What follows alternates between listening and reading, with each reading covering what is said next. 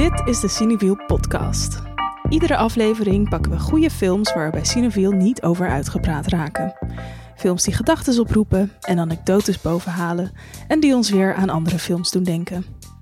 Vandaag gaan we terug in de tijd en belanden we in Parijs in de jaren 60, waar l'evenement, de gebeurtenis, zich afspeelt.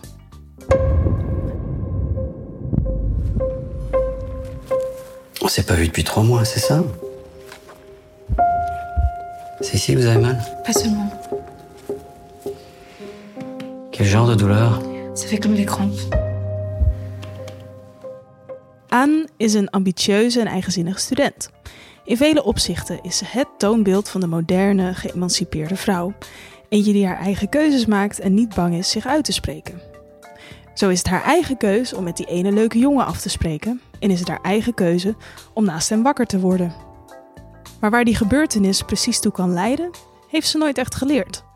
Niet op school en niet van haar ouders. En toch is zij degene die alle gevolgen alleen moet dragen. Want, uitgerekend in een periode waarin goede timing niet lijkt te bestaan, is Anne over tijd. Je veux poursuivre mes études. Allez-vous-en, mademoiselle. Nous n'avons plus rien à nous dire.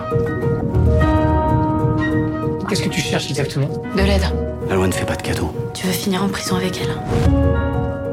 Hou je maar gewoon gedijst, is het devies. Ze hoort het van haar minnaar, vriendinnen en van de dokter. Je hebt toch geen keus, zeggen ze. Abortus is immers verboden en wil toch niet in de cel belanden. Daar waar de anderen haar probleem niet onder ogen willen zien, voelt Anne het alleen maar groter en groter worden. We gluren over haar schouder mee en zien haar moeilijke strijd vol body horror, eenzaamheid en vooral gevaar. Maar telkens als je wil wegkijken, pakt regisseur Audrey Diwan je bij de lurven en drukt ze je op de harde werkelijkheid.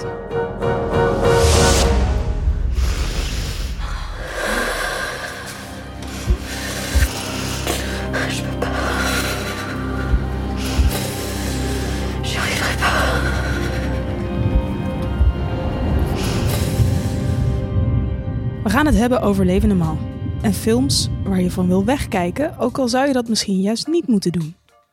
En over body horror en verhalen die lichamelijke reacties oproepen, in het bijzonder in relatie tot het vrouwelijk lichaam. Mijn naam is Maan Milker en ik ben redacteur bij Cineviel. En naast mij aan tafel zitten mijn collega's Jente Buskus en Lauren Murphy. Welkom, welkom. Hallo. Hallo. Hallo. Ehm Levende Man, film die een Gouden Leeuw won bij het Filmfestival van Venetië. Wordt onder andere geprezen omdat het het verhaal van een jonge vrouw die abortus wil plegen in een situatie waarin dat geen vanzelfsprekendheid is, op een, ja, op een verfrissende en realistische en vooral ja, vanuit het vrouwelijk perspectief weet te vertellen. Nu dacht ik als openingsvraag van wat is iets wat voor jullie hoort bij het vrouw zijn, wat je graag een keer in een film terug zou willen zien? Ja, ik, ik vind het lastig, want ik denk de mentale of soort van eh, die kant van vrouw zijn is vrij subjectief natuurlijk. Eh, maar als het gaat om het hebben van een vrouwelijk lichaam, dan komt deze film eigenlijk heel erg in de buurt van wat ik zelf, nou niet, misschien niet had willen zien. Daar gaan we het zo over hebben of je het wil zien of niet. Maar ehm, wat wel in de buurt komt van de ervaring, ook al heb ik deze ervaring bijvoorbeeld niet gehad, of zelfs al heb je deze specifieke ervaring niet gehad van naar de dokter gaan als vrouw, met name als het gaat om je nether regions, zeg maar. Als je naar de gynaecoloog gaat. Of eh, en dat je dan probeert aan mensen die geen vrouwelijk lichaam hebben uit te leggen hoe dat voelt. En dat het niet zozeer per se gaat om of het pijnlijk is of niet. Wat het soms ook wel is, maar dat het vooral heel intiem en diep En invasive is. En is. invasive, waar ook niet echt een lekker Nederlands ja, invasief Mhm. woorden. Volgens mij is dat helemaal geen opdringend. Ja, maar vooral ook letterlijk echt fysiek invasief is. En dat je denkt van niemand, ik, kom, ik kan hier zelf niet eens bij komen, hè? Zeg maar, even if I tried, sommige delen van je baarmoeder, de binnenste van je baarmoeder, weet je wel, dat soort, dus als je een spiraaltje laat zetten of zo, Mhm. wat wel een eh, wat gangbaarder of een uitstrijkje of dingen, dan dat de eerste keer dat je dat meemaakt, denk je, woef, eh, wauw, Mhm. jij hoort hier niet of zo. En de, de, er zijn dan artsen voor die daar natuurlijk hun werk van hebben gemaakt. Voor hun is het normaal, maar ik denk dat dat gedeelte vond ik hier een heel realistisch en zou ik zou welkom zijn om dat vaker misschien te zien. Of dat je dat misschien ook op een andere manier kan visualiseren. Niet eens zozeer zo realistisch, maar meer gewoon het, dat gevoel of zo. Ja. Eh, en het, ehm, ja, dat zit hier, dat, dat, dat kunnen we straks ook overleggen. Maar eh, het zit minder in deze film dat ze echt gesteund wordt door haar omgeving, door haar vriendinnen. Specifiek dus andere vrouwen, omdat, het, omdat er een taboe op rust. Maar ik ben ook wel eens naar de gynaecoloog geweest met een vriendin. Dat was heel... Oh ja. Dat was Ja. dan bijna... Ja, gezellig zou ik het niet willen noemen, maar het heeft wel iets heel... eh, je kan elkaar daarin heel erg steunen, want je Ja. begrijpt elkaar. Je kan er ook misschien om lachen. Ja, je hoeft niet alles uit te leggen. Nee, en dat heeft iets ongemakkelijks. En bij de gynaecoloog moet je altijd alles uittrekken behalve je sokken, wat extreem awkward is. Weet je, dat soort kleine details waar je dan met een vriendin over in een scheur ligt, dat zou ik wel in een film willen zien. Ook misschien juist een beetje de, de ongemakkelijke, grappige kant ervan. Ja. Ja. Ja. En ja, dat laatste, dat soort van gevoel van zusterschap of zo, dat is iets wat. Daar zijn wel films over, maar naar mijn mening te weinig. En ik denk dat er gewoon een soort van.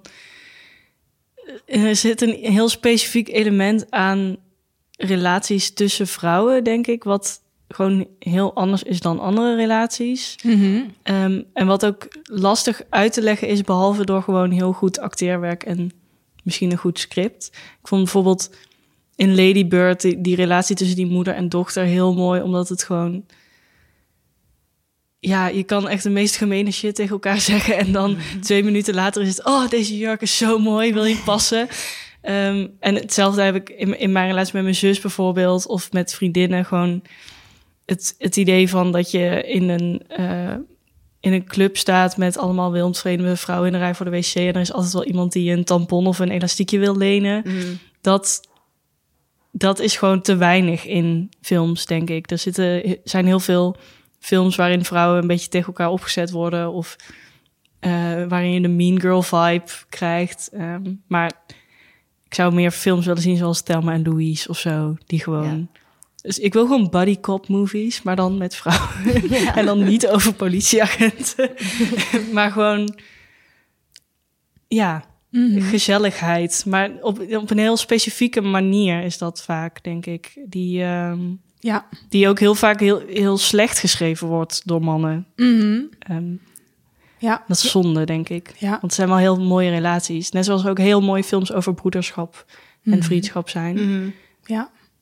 En eh, even over de context van... We leggen in deze podcast wel vaak de link tussen eh, vrouw zijn en zwangerschap, et cetera. Weet je wel. Maar we zijn niet J.K. Rowling. Je, hoeft niet per se een baarmoeder te hebben om vrouw te zijn eh, in deze podcast. Dus dat even als side note. Zeker. en je Ehm, kan wel een baarmoeder hebben en geen vrouw zijn.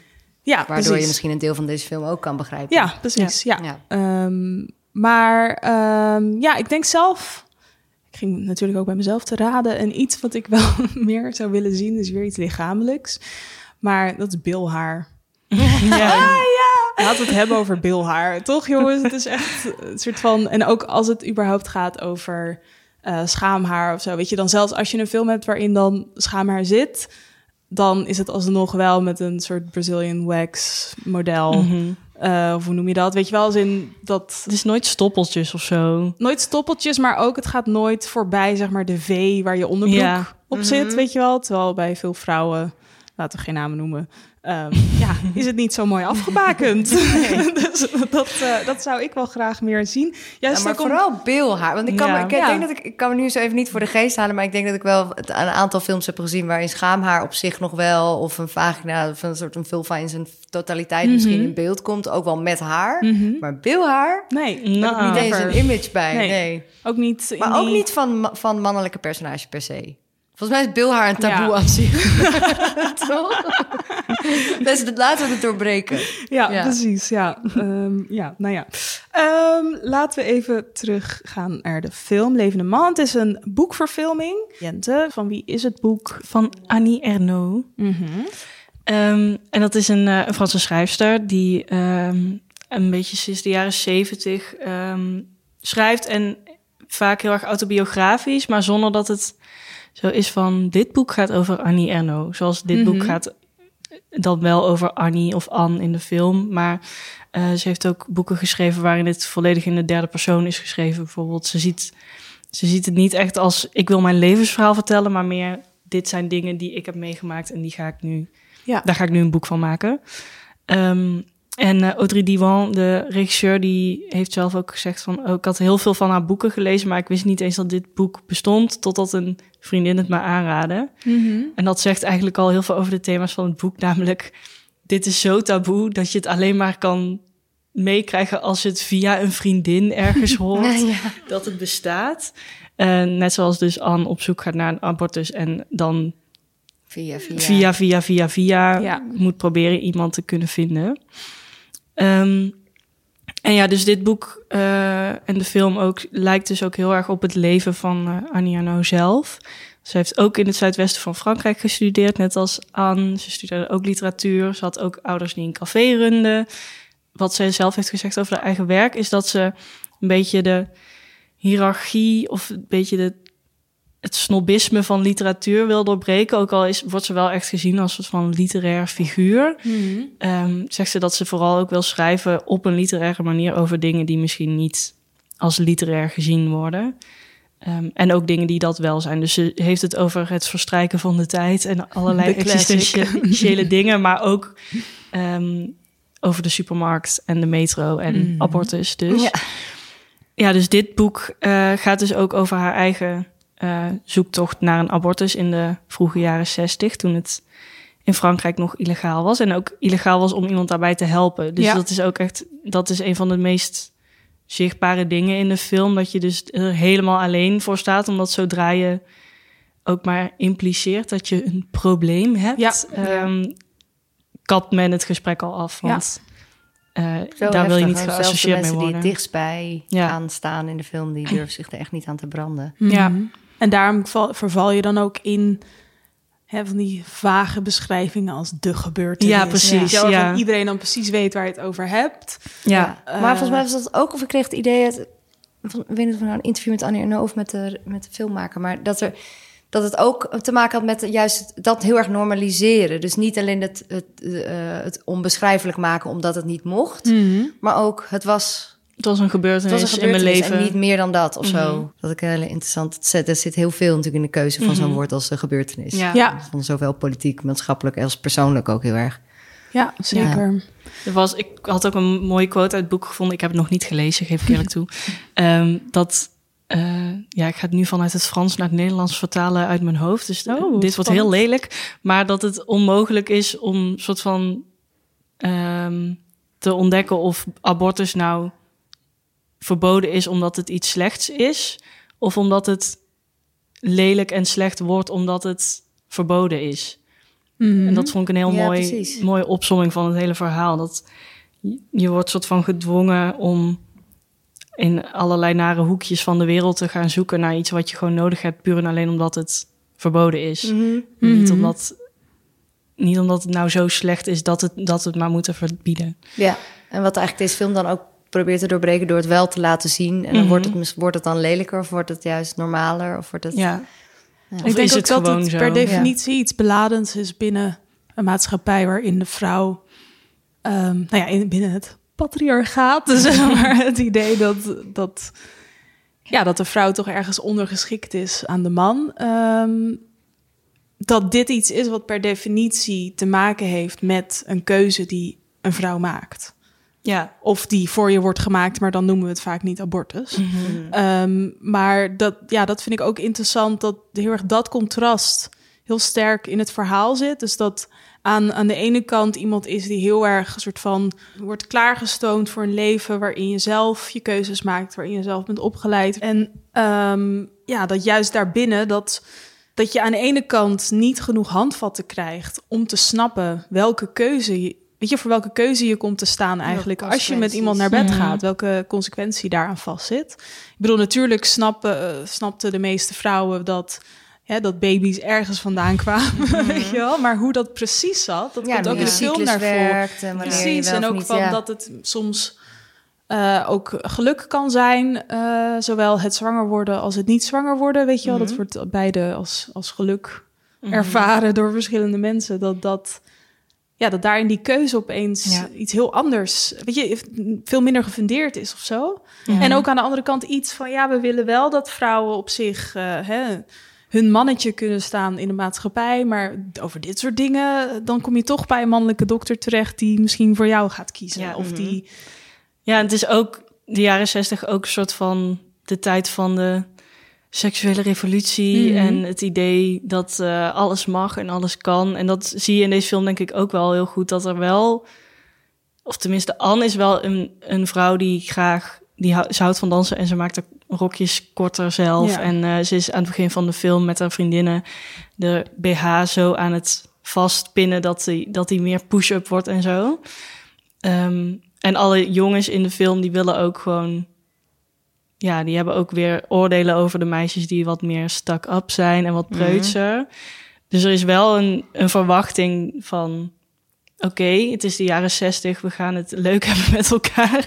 Maar dan de gevolgen van die vrijheden liggen dan wel weer helemaal op de schouders van zo iemand als Anne... Ja. die het dan weer helemaal zelf moet uitzoeken. En zij is ook degene die dan wordt geslutshamed door de meer conservatieve meisjes Ja. op haar universiteit.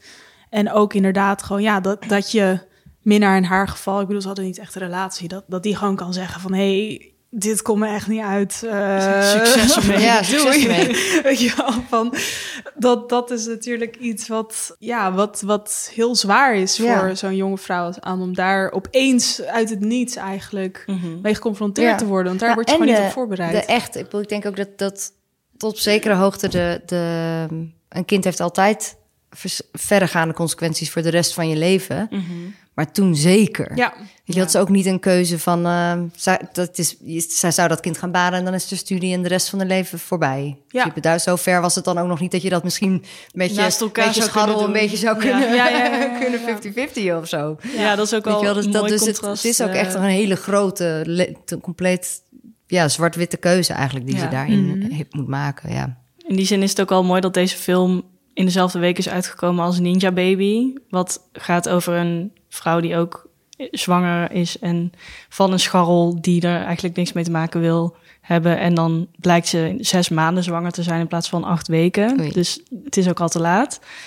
Ehm, en dat is zo'n andere blik op precies hetzelfde onderwerp eigenlijk. Want het, oh, het gaat ook over een vrouw die niet meer de keuze heeft om het weg te laten halen. Ehm, en het is nog steeds heel ingrijpend voor haar leven. Maar inderdaad, wat je net zegt van... oh, misschien even bij hem langs gaan om te kijken van... hoe kunnen we dit samen doen? een workaround of Mhm. zo, ja. Dat is niet eens een optie hier. Ja, dat zegt ook weer iets over tijdbeeld. Ja. Ehm, Over tijd, tijdbeeld, ja. Ik ben even iets vergeten. We, zijn, we, we hebben het boek. ik wou net gaan. Oh, jij wou het net gaan zeggen. Maar verder. anders Ja. vergeten we het met z'n allen, want we hebben iets leuks. Ehm, jullie kunnen, jullie lieve luisteraars, kunnen kans maken op het boek Leven normaal. Yes. In het Nederlands, niet in het Frans. Dat gaan we jullie niet aandoen. Niet Van Anne. Erno. Ehm, willen jullie daar kans op maken, dan kunnen jullie mailen naar podcast.cineviel.nl met je naam en het antwoord op de volgende vraag. Wanneer werd het boek gepubliceerd? En dan in het Frans, om het niet moeilijker te Nee, maken. Dus niet wanneer de werd het- originele Niet de editie publicatie die jij in handen misschien Wanneer krijgt. verscheen het boek voor het eerst? Laten Wanneer verscheen het boek voor het eerst? Yes. En als je het jaartal in het Frans kan opschrijven... dan krijg je bonuspunten. Krijg je nog een extra prijsje. Yes. Yes. Um, alright, dus we hebben het net al een beetje gehad over de meer maatschappelijke kant van Levenement en over hè, de keuzes waarvoor aan komt te staan en hoe dat in een breder perspectief haar in een positie brengt die invloed heeft op hoe zij omgaat met haar eigen lichaam eigenlijk. En ook hè, hoe, hoe opeens op het moment dat je zwanger bent, dat je dan misschien keuzevrijheden die je in andere aspecten wel had, dan opeens verliest. En, ehm, maar er zit in de film ook een hele, ja, die, die, die lichamelijke kant wordt ook heel erg uitgewerkt. eh, op een manier die ik best wel heftig vond. Ehm, er komt best wel wat bloed aan te pas en gewoon intieme scènes hè, waarin je iemand in een soort wanhoopsdaad ehm, bepaalde dingen ziet doen die ehm, dan zouden moeten leiden tot een abortus. Ja. En het viel mij op dat ik heel graag wilde wegkijken. Als ik het gewoon... Weet je, als in dan voelde ik dat zo'n scène eraan kwam. En dan dacht ik van, oh, nu ga ik echt wegkijken hoor. Nu ga ik echt weg. Maar dan keek ik telkens niet weg. Omdat het op zo'n manier was gedaan... dat ik er echt helemaal nog in zat. Ja. En niet een soort harde cut naar... eh, naar een scène waarin je opeens een soort van bloed ziet rondspuiten. Ja. Ja. precies. Het, was, het gaf Ja, en heel erg helemaal tijd. vanuit haar verteld natuurlijk. Ja. Waardoor je misschien ergens ook de zekerheid hebt... dat je het niet vanaf een kant gaat zien die zij niet kan zien. Wat ook Ja, uitmaakt ja. voor je... Al zat dat er wel een klein beetje in hoor. Ja, Als in gewoon qua... moment. Ja, Ja. dat is geen spoiler. ja. ja, dit is... Ik, ben, ik geef niet snel trigger warnings bij films of dingen waarvan ik ik ben ik ben niet zo heel snel onder de indruk van dingen. Ik vond dit heel terwijl Even ter, ter eh, context van hoe komt dat misschien? Wat doe jij ik kijk heel veel horror zien? voor mijn werk, onder andere voor Imagine, maar ook sowieso ja, ik, ik ik weet niet of dat iets goeds of iets slechts is, maar ik ben gewoon niet, niet zo snel onder de indruk van dingen. Of vind dingen niet snel chockerend Mhm. of pijnlijk. Of, ehm, en dit, ondanks dat ik wist wat het onder... Je leest de synopsis, je weet waar het over gaat gaan. Maar ik denk, omdat je ervaring toch is dat het, dat het dus vaak niet zo wordt verteld... Ja. dat ik het toch niet helemaal had verwacht. Ik had heel weinig recensies en zo daarover gelezen. Ik had Ja. niet gelezen dat dat juist ook de kracht en de visie van deze film is... om het wel te laten zien. Maar toen heb ik Jente volgens mij bericht gestuurd van wel even gewaarschuwd. Ondanks dat het gaat over abortus. En je weet, er zaten wel een paar scènes in wat jij ook omschrijft. Maar Ja. die vond ik echt heel pittig om, Ja. eh, om naar te kijken. Maar ook waarin ik inderdaad wel door bleef kijken. En daarom misschien ook juist was Ja. het zo zwaar. Want je, normaal kijk je misschien weg of zo. Ja. Dan heb je het eigenlijk niet echt gezien. Wat voor mij echt de kern was daarin, was dat ik de keuze kreeg of ik wilde wegkijken of niet. Ja, had dat is vrij lang. Het duurt vrij veel- lang. Ja, het Ook. duurt vrij lang. Terwijl in veel films, dan heb je die keuze niet. Dan val je juist Overvalt het je in, in de drama. ehm, in het drama. En dat, dat, je, dat je dan... Hè, dat het, soms is het zo dat een verhaal zo'n dun lijntje is haast... dat je dat soort hele overdreven eh gestes nodig hebt... om het nog een beetje spannend, Spannend te houden, zeg maar stom gezegd. Ehm, en dat zie je in best wel... Als je erop gaat letten, zie je dat in best wel veel films. En Ja, dat het is eigenlijk gewoon effectbejacht. Zeg maar, om het, om het ja, precies. Beetje, en, ja. en dat vond ik hier juist het omgekeerde. Dus hier was het gegeven al van we zitten met een heftige situatie. Die bom wordt best wel vroeg in de film al gedropt. Weet je wel, je weet ook gewoon inderdaad van nou, dit gaat even pittiger worden.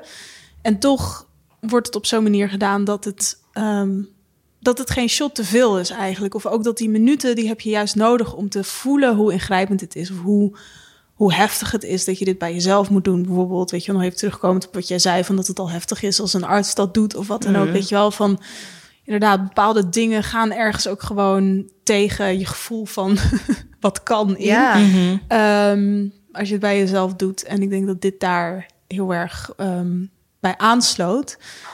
En Maar, en het is sowieso dat, maar dat, ik weet niet hoe dat met jullie zit, maar ik vind sowieso altijd scènes waarin mensen zich, waar iemand zichzelf pijn doet, vind ik heel moeilijk om naar te kijken. Ja. ja, Omdat het ook vaak juist staat voor een soort determination of een soort van dat zit erachter. En dat, Ja. dat vind ik misschien eigenlijk enger dan wat je eigenlijk ziet, is dat iemand het zo, zo Ja. ver bereid is om te gaan. En Ja. ook dat dat personage dan zelf ook tegen diens eigen natuur in moet gaan. Ja, precies. Ja. ja. Ja, en inderdaad, er zit volgens mij ook geen muziek. Ik kan me dat, of ik kan me in ieder geval niet herinneren dat je daarin heel erg gestuurd wordt ook. Met wat Nee, je moet helemaal voelen. niet. Dus het is juist heel erg. Er wordt wel afgeteld hè, in weken. Ja. Dus er zit wel iets van een spanningsopbouw daarin in. Maar verder is het niet. ehm, ik kan me niet voorstellen dat je er iets anders bij voelt. Maar dat is puur door de, situ- door de Ja. feiten Ja. eigenlijk. En niet door, door het drama wat door de, door de film zeg maar, heel erg wordt opgevoerd. ja. En Jente, kan jij je nog een film herinneren waarbij jij heel erg hebt weggekeken? Eh, ja, ik had dat bij High Life heel erg. Mhm, Of ja, toen heb ik zelf zo erg weggekeken dat ik bijna flauw viel. Oh, echt? Ehm, ja, ik heb sowieso. Ik heb, ben ook niet zo snel onder de indruk van dingen, van heel erg bloederige dingen of heel heftige Mhm. dingen in films. Ehm, ook omdat ik gewoon heel veel heb gezien, denk ik. Ehm, maar als het heel medisch wordt of heel erg over lichamelijke autonomie gaat of zo, dan word ik me heel erg bewust van mijn eigen lichaam. En ik had toen bij High Life echt zoiets van: oh mijn god, ik voel mijn eigen bloed stromen. Ik moet hier weg. Want wat gebeurde daar zonder het al te erg te spoilen? Ehm, ja, het is even geleden dat ik weet wat het precieze moment was, maar het, het, Maar ging het gaat bloed heel of- erg over ehm, het soort van weghalen van lichamelijke autonomie bij mensen. Mhm. Ehm, er zaten heel veel naalden in en Ja. een beetje bloed en eh, van alles. Ja. Ehm, en dat is eigenlijk de enige film waarbij ik ooit ben weggelopen. En toen ben ik er daarna Mm. nog een keer heen gegaan, omdat ik het zo'n goede film vond. Dat sluit elkaar natuurlijk niet uit. Ehm, dus dat, daar ga ik altijd heel slecht op. Als het, ehm, ja, als het heel erg inderdaad invasive voelt. Mhm. Ja. Ehm, als je het idee hebt dat iemand niet meer de controle over zijn eigen lichaam heeft. Mhm. Ook bijvoorbeeld Possession. ehm, die film, daarin zit een scène waarin een vrouw helemaal een soort van de controle over het lichaam verliest in een, eh, in een metrotunnel. Mhm. En dat vind ik dan ook heel heftig. Of, of climax, eh, als iemand onder invloed van drugs is. Of Controle. ja, Ja. Ja. dat is het enige waarbij ik echt weg wil kijken. ja. Ik heb het zelf met films over de holocaust. Dat Ja, vind ik altijd echt gewoon te heftig vaak. Is dat dan ergens omdat je ju- juist omdat je weet? Soms zijn, soms zijn dingen eng omdat je, omdat je niet zo goed weet wat er gaat gebeuren. En soms zijn dingen natuurlijk verschrikkelijk om naar te kijken omdat je Omdat je precies, weet, wat er Ja. gaat gebeuren. Ja, ik denk dat dat inderdaad meespeelt. Ehm, aan de andere kant heb ik het ook vaak bij verhalen over verkrachting. Ja. ja. Of afgelopen jaar had je de film Beginning, Georgische film. Vond ik een geweldig goede film. Eh, maar het was echt horror om naar te kijken. Gewoon dat er een verkrachtingsscène van een kwartier in zit. Zonder edit, zeg maar. Ja. Wat het nog veel heftiger maakt op de een of andere manier. Irreversibele style. moment. En Maar dan eentje waar niemand het over had, wat ook gek is. Want Ja. dan komt het opeens uit het niks. Toch? Ja. Ja. Dat jij eruit kwam en zei, ik zag hem gewoon echt niet aankomen. Dus nee, maar ik snap, zeg maar inderdaad, van, ik zag het, ik kwam het op basis van, hè, hoe, van de filmposter of wat dan ook, eh, zag je hem niet aankomen. Het was niet zoals hier dat het heel erg duidelijk is waar de film over gaat. Maar het was wel binnen het verhaal dat ik wel dacht van dit, wa- zelfs dit was geen effectbejag. Mhm. Omdat vervolgens de hele film erom draaide dat zij iets obvious verschrikkelijks had meegemaakt, waar wij allemaal bij zijn geweest en waarvan vervolgens de hele omgeving dat eigenlijk ontkent. Mhm. En Je dat bent eigenlijk getuige. ja, precies. En daardoor, was, daardoor kwam die hele film voor de rest zo erg binnen. En werd dat verhaal ook zo duidelijk. En ging het juist heel erg over de positie van de vrouw. En als je zoiets meemaakt, ja, dat dat vaak juist in zo'n maatschappij, hè, waarin, ehm, nou ja, waarin er weinig ruimte is voor slachtofferschap binnen seksueel geweld, om het zo te zeggen. eh, ja, dat, dat je daar je verhaal niet echt kwijt kan. Of van, ja. Ja. en dan, oké, Mhm. dan is het jouw woord tegen de zijne. We kennen het allemaal. Ehm, en dus daarom vond ik het sterk. Maar is het een film die ik iemand aanraad die dat zelf heeft meegemaakt, bijvoorbeeld? Hell no. Mhm. Dus dat is ook een beetje, dat bracht me ook bij de vraag wat ik ook hierbij had. Van voor wie, voor wie probeer je zo'n verhaal invoelbaar te maken? Want Ja. we hebben het vaak over representatie en het belang daarvan. En ook, weet je, als ik jullie die vraag stel van wat voor film zou je graag willen zien over vrouwen, dan gaat het juist over dingen die je zelf misschien hebt meegemaakt, waarvan je dat meer geuniversaliseerd zou willen zien, et cetera, of als voorbeeld voor anderen. Ehm, maar ik, kan ik heb zelf bijvoorbeeld vaak met films van raci over racisme, dat ik denk van, nou, die hoef ik niet per se te zien. Maar het is wel Want- belangrijk. dat en ze ik er vind het wel zijn, belangrijk ja. dat ze er zijn, zeg maar. Maar ik ga niet eh, iemand waarvan ik weet dat hij racisme heeft meegemaakt aanraden om naar een film te gaan waarin dat heel erg expliciet zit. Ja. Ja. Gewoon dat je, je hebt die ervaring al en je hoeft die niet altijd gereproduceerd te zien. Nee. Eh, behalve als er dan vervolgens weer iets mee wordt gedaan. Maar vaak juist met dat soort thema's, een soort van, van mensen die historisch gezien eh ondergerepresenteerd zijn, zoals ook bijvoorbeeld vrouwen. Eh, ja, gebeurt het vaak gewoon niet heel erg gelaagd. Ja. Omdat je nog helemaal aan het begin moet beginnen, of omdat je die hele geschiedenis meeneemt van ongelijkheid eigenlijk. En dat onbewust ook in je verhaal misschien meeneemt, et cetera. En dat, ja, dat vond ik hier. ehm, Nou ja, ik, maar dan zou je denken dat de levende maal dus eigenlijk meer bedoeld is voor mensen die dit nog, die dit, die helemaal niet nadenken over de, de plight Ja. van vrouwen, zeg maar, zeker toen. Maar Maar dat ik heeft denk, die wel ook zelf gezegd dat ze het vooral heeft gemaakt voor mensen die tegen abortus zijn. ja, maar gaan die deze film kijken? You Dat is never dan know. ja, dat is de ja. vraag. Ja. Ehm, ja, ik, ik moet zeggen, want ik, ik denk, er zitten natuurlijk dingen in waar je, denk ik, ook wel, het is natuurlijk ook iets wat niet per se alle vrouwen hebben meegemaakt. Dus Nee. ook voor mensen die het niet hebben meegemaakt, is het misschien relevant. Maar ik denk ook, er zit gek genoeg, als je een vrouwelijk personage, of in mijn geval, dus als- je, vond ik in deze film ook juist een beetje die sisterhood die jij omschrijft. Er maar dan niet de leuke per se de kant, maar dat je ook een bepaalde mate van herkenbaarheid en empathie Ja. voor een meisje zoals jij eigenlijk, of ik tien jaar geleden, Ja. in, toen. Waarvan je weet dat er nu ook nog steeds... Dit is, dit is een onderwerp wat nu ook weer enorm opspeelt natuurlijk. Weet je, ik bedoel, Thierry Baudet heeft er, eh, weet ik veel... anderhalf jaar geleden ook weer lekker even allemaal dingen over gezegd. Weet je, het is niet eh, achter de rug. Ja. Dus het vervult wat dat betreft nog steeds een functie... een soort empathische functie, denk ik, voor Ja. iedereen. ja, Om weer even te herinneren. ja.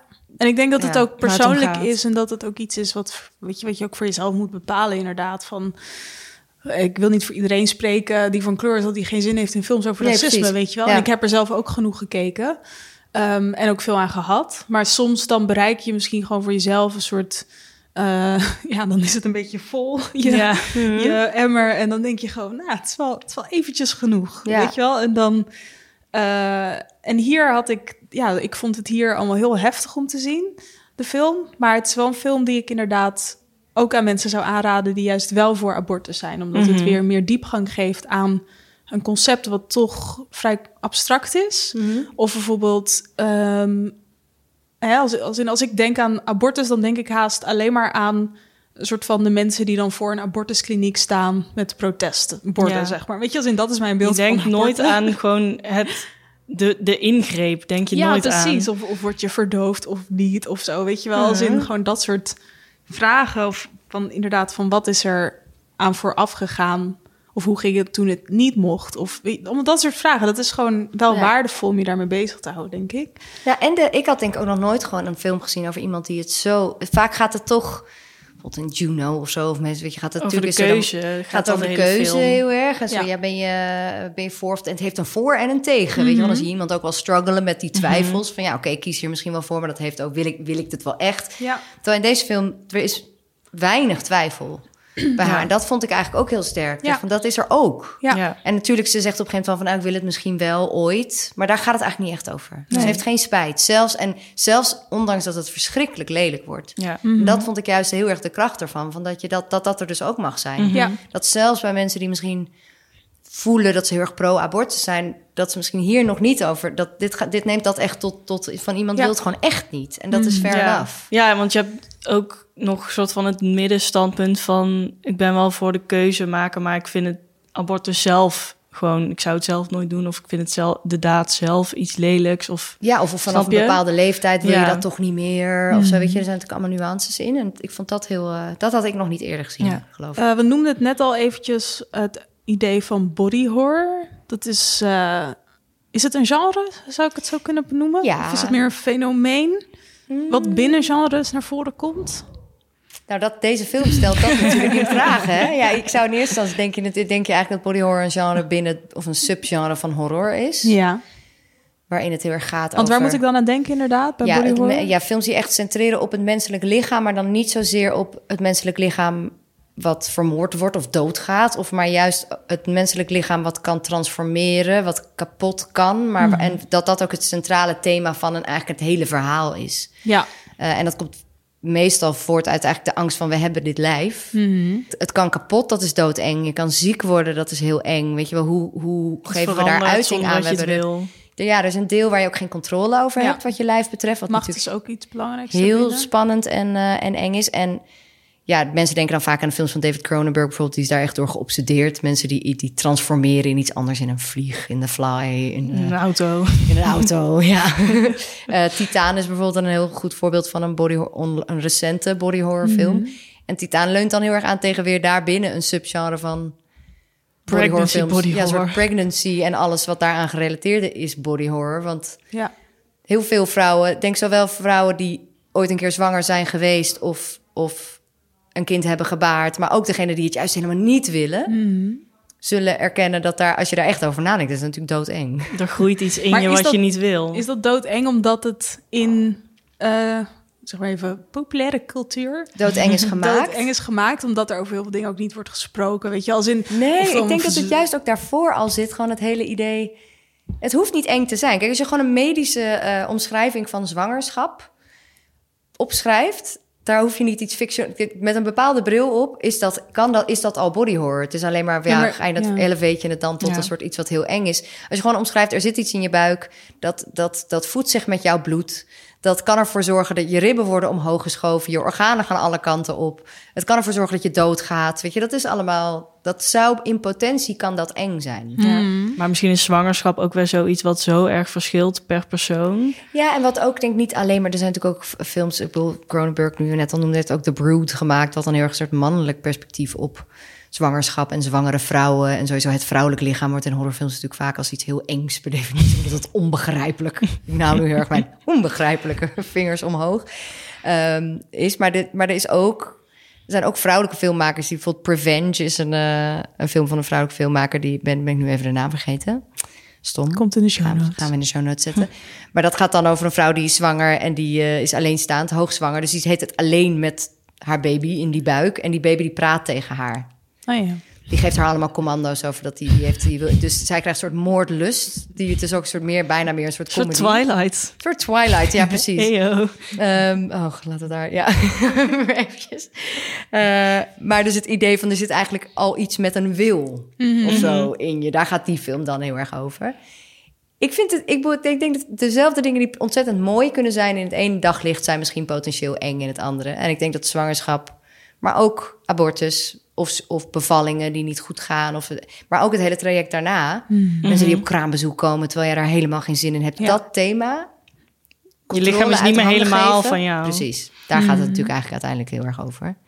En dan heb je, ik denk er zijn dus een bepaalde eh, eh, categorie van horror die mensen dan op willen zoeken, omdat het juist gaat over dingen waar je misschien normaal niet naar durft te kijken, of omdat je er ook een bepaald gevoel van afkeer en disgust van krijgt, wat heel aantrekkelijk tot op zekere hoogte kan zijn. Maar zo'n film als L'Evenement, ik keek daarna en ik dacht, maar dit is eigenlijk echte body horror. Ja. Niks is echt uitvergroot of Nee, ehm, overdreven. Of nee, en dit is eigenlijk, dit is bovennatuurlijk. eigenlijk body horror. Mhm. Al die keren dat we het hebben Ja. over body horror, dat is Ja. het. Wat, weer- wat, dit is, dit is waar, het, waar, waar het echt om gaat. al die Zo. keren dat David Cronenberg allerlei eh, prop departments inschakelde om hele e- enge dingen te maken, was allemaal niet nodig. Want het Ja, echte leven is, leven veel- is al eng genoeg. Ja. En toch denk ik, weet niet of je het met mij eens zijn, maar toch denk ik dat dit niet, dat dit verhaal niet eenzelfde soort aantrekkingskracht heeft. Je noemde het net al even. Dus dat idee van hè, dat eh, iets wat zo verschrikkelijk is, je ook heel erg nieuwsgierig kan maken. Soms Mhm. op een soort manier die je bijna niet in de hand kan houden. Weet je wel? Als in bij Dat kinderen is zie een reden dat... waarom mensen naar Dr. Pimpelpopper kijken op YouTube. Ja, Zo, toch ja precies. Van, dingen ja, kijken, ja, ja. ja. en dat hebben ze natuurlijk allemaal theorieën over. En eh, nou ja, ook een beetje in de Freudiaanse hoek. Maar als we het Mhm. daarvan lostrekken, dan is het gewoon het idee dat dingen die zo verschrikkelijk zijn... dat ze eigenlijk de grens aangeven van wat wel kan... En eroverheen gaan. dat, dat nodigt je heel erg uit om daarmee bezig te zijn... waardoor je er eigenlijk automatisch overheen gaat... en het Mhm. een beetje meer genormaliseerd wordt. Je hebt er een bekend voorbeeld van. Dat is een hele le- interessante documentaire... Damned in the USA heet het. En dat ging over een kunstwerk, Piss Christ, ehm, van een fotograaf... En dat is dan een Jezusbeeld in een glas met plas, waardoor het net lijkt alsof het in een soort ehm ambersteen is, zit of zo, weet je wel. en dat was in Amerika. Nou, dat werk heeft een heel- hele grote tour gemaakt langs allemaal galeries. Niemand keek ervan op, weet je. Het was jaren tachtig. Alles Eh, ze hadden wel wat meer gezien dan Mhm. dat. Alleen toen kwam het onder ogen van een of andere conservatieve, conservatief parlementslid. Of, eh, en die heeft er toen heel erg een punt van gemaakt. En heeft dat ook meegenomen. En die liet dus de hele tijd die foto zien. Van kijk eens, dit moet toch niet kunnen, beste Mhm. mensen. Kijk eens, kijk eens, kijk eens. En dat idee van dat juist iets waarvan je juist zegt... nee, maar dat kan toch niet? Ja. Dat je dat juist allemaal met elkaar gaat delen. Ik Ja. bedoel, denk aan onthoofdingsvideo's. Tuurlijk. Allemaal dat soort super heftige shit. Maar jij denkt, deze film Van- heeft niet die, func- die functie. Nee. Nee. omdat ik ergens toch het idee heb dat het... ehm, dat juist ook het verwonden van het vrouwelijk lichaam in die zin... dat dat ergens te genormaliseerd is... om echt dat body horror Om effect, objecten af- Mhm. effect te hebben. Nee, Denk dus je het ook is- niet? Ja, ja, nee, het is natuurlijk juist iets heel anders. Maar Ja. het heeft wel het... En daarom blijf je ook juist wel kijken. Terwijl Ja. je misschien met, met een soort van elevated body horror dingen... waarin het gaat juist om onnatuurlijke trans- transformaties... en, en manieren waarop het lichaam zich kan... Daar, daar, daar kijk je misschien wat makkelijker van weg. Dat je weet waar Ja. je naar zit te kijken. Ja. Nee, het- nee, het is natuurlijk iets heel anders, maar het heeft... Nee, ik dacht, ik dacht dit is eigenlijk waar misschien body horror als genre... Mhm. gaat wel over dit soort primaire dingen die er met je lichaam kunnen gebeuren. Maar doet daar natuurlijk iets uitvergroots mee, Ja. waardoor je er juist over kan praten. Mhm. En deze, door deze film kan dat ook. Mhm. Kan je er ook juist over praten, maar dat doet het op een andere manier. Ja, Doet het juist door het heel realistisch eigenlijk te maken. Hyperrealistisch. Ik heb het nog Ja. nooit zo realistisch gezien. ja. Ik vond ook niet eens per se de shots waarin je echt bijvoorbeeld bloed ziet of iets anders expliciets. De dingen waar ik bang of naar van werd, maar juist de shots waarin je haar gezicht ziet. ja. Dat je de, de body horror is meer haar acteerwerk dan, Het echt dan, body. het, dan wat je ziet. Ja, dus dat is ook waar meer die trigger warning dan op van toepassing zou zijn misschien. Ja, Ja. ja, dat is wel interessant. Hè? Dus het gaat, het gaat over wat dat, wat, hoe zij met haar lichaam bezig is, Ja. is de body horror. ja. is niet zozeer dat je ziet wat er met het lichaam gebeurt. Mhm.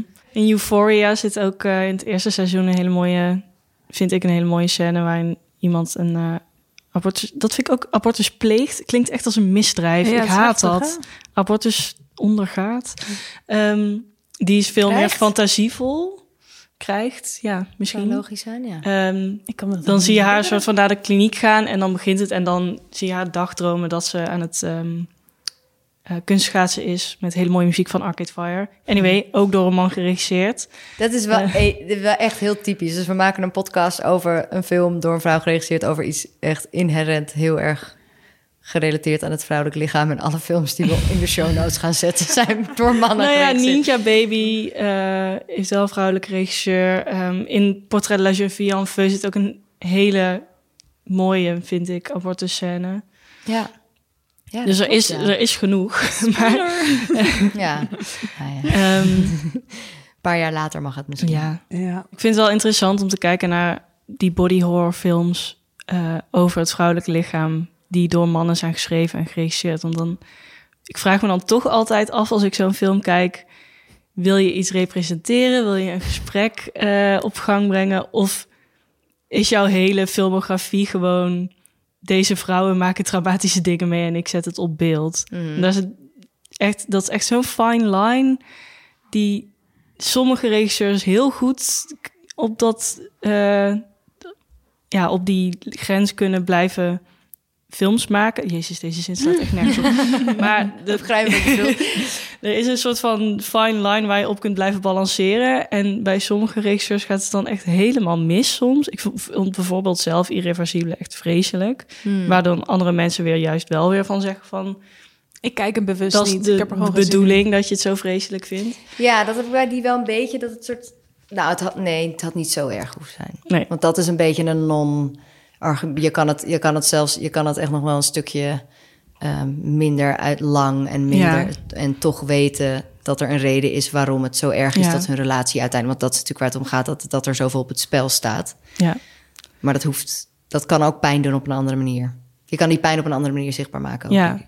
Maar het, het, het- dat is altijd een beetje de vraag, weet je wel, van als je dan filmkritiek eh, uitvoert, zeg maar, weet je, dan kan je altijd heel goed aanwijzen van, nou ja, dit wil ik niet, of hier, waar moet, waar moet hij weer heel erg lang, een soort van over de borsten van een vrouw heen hoeven, die camera, weet je, dat is vaak een goede meetlat In om te kijken in hoeverre je in de male gaze beweegt of niet. Ehm, en, en, maar aan de andere kant dan is vaak de vervolgvraag van hoe dan wel? ja. En dat is iets eh, hè, waar je als filmcriticus vaak, Vaak niet geen een antwoord antwoord, op op hebt. hebt. En wat ook niet Ja. je taak is in die zin. Maar het is wel interessant om te zien hoe andere filmmakers daarmee aan de slag gaan. Ja.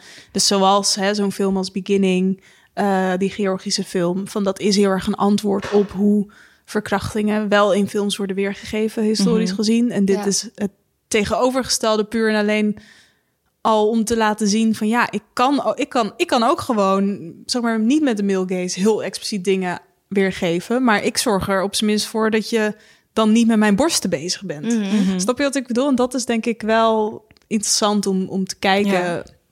van, eh, ja, van welke ontwikkelingen daarin zijn. Want ik denk dat, dat als we tien jaar geleden het hebben over de female gaze of zo, weet je wel, dat, dat het dan veel meer gaat over ja, minder seks of zo. Ja, nee. Terwijl nu is het Ja. juist meer seks, maar, Maar op hoe dan? onze Andere manier, seks, zeg maar Ja. wel. Dus maar dat zit ik- hier ook in Levende Man zit er ook, vind ik ook dat daar op een hele respectvolle manier, zeg maar, ook met haar lichaam bijvoorbeeld in die Ja. film wordt omgegaan, toch? Dat ze staat op een gegeven moment wel voor de spiegel. De classic, Ja. ik sta voor de spiegel en ik zie misschien wel of niet een buikje komen of zo, weet je wel. Maar Ja. dat klopt heel erg met hoe zij naar zichzelf kijkt. Dat Ja. zou zij ook, denk ik, oprecht als een jong meisje Mhm. op die manier. Dus het Ja. is helemaal niet seksueel. Het is heel erg. Je, hoeft, je kan best alsnog een naakt vrouwelijk lichaam laten zien. Zonder Ja, dat het zeker. natuurlijk meteen. Of een traumatische En ervaring. het liefst ook met een Ja. beetje bilhaar in het vervolg. Ja, ja. Ik ga er echt zo op letten nu. We might have found the final taboo. Dat, is, dat wil echt wat zeggen. Ja, nou, we zijn begonnen met bilhaar en we eindigen met eh bilhaar. Welkom Want, bij de intellectuele podcast van Sylvia. ja. nou ja, dat, dat is, we moeten dat dus gewoon heel erg intellectueel Intellectualiseren. maken. Dat is net zoals Ja. hè, de schrijver van het boek Levende Man, die je dus kan winnen als je ons vertelt in welk jaar dit boek voor het eerst is verschenen. Gepubliceerd is, ja. Dat brengt mij bij het volgende, namelijk dat dit hem alweer was, de Cineviel podcast. Levende Man is vanaf nu te zien in Cineviel. En wil je weten welke films er nog meer ter sprake kwamen? Uh, check dan de show notes op onze website. Uh, wil je op de hoogte blijven van alles wat er speelt? Schrijf je dan vooral in voor onze nieuwsbrief. Wil je meekletsen of heb je vragen? Dan kan je ons mailen op podcast.cineviel.nl. Dat is hetzelfde e-mailadres waar je de prijsvraag antwoorden naartoe kan sturen. Of je kan tweeten via het Cinewielpod. Um, bedankt voor het luisteren. Luisteraars, ik keek Lauren en aan. Dat moet ik hierop reageren. Oh, ja. en dankjewel, hier komt het Jente en Lauren. Graag Um, gedaan. En volgende keer uh, zie je ons vanuit Kan. Cannes. Geweldig. Wat leuk. Ja. Doei. Doei. Doei.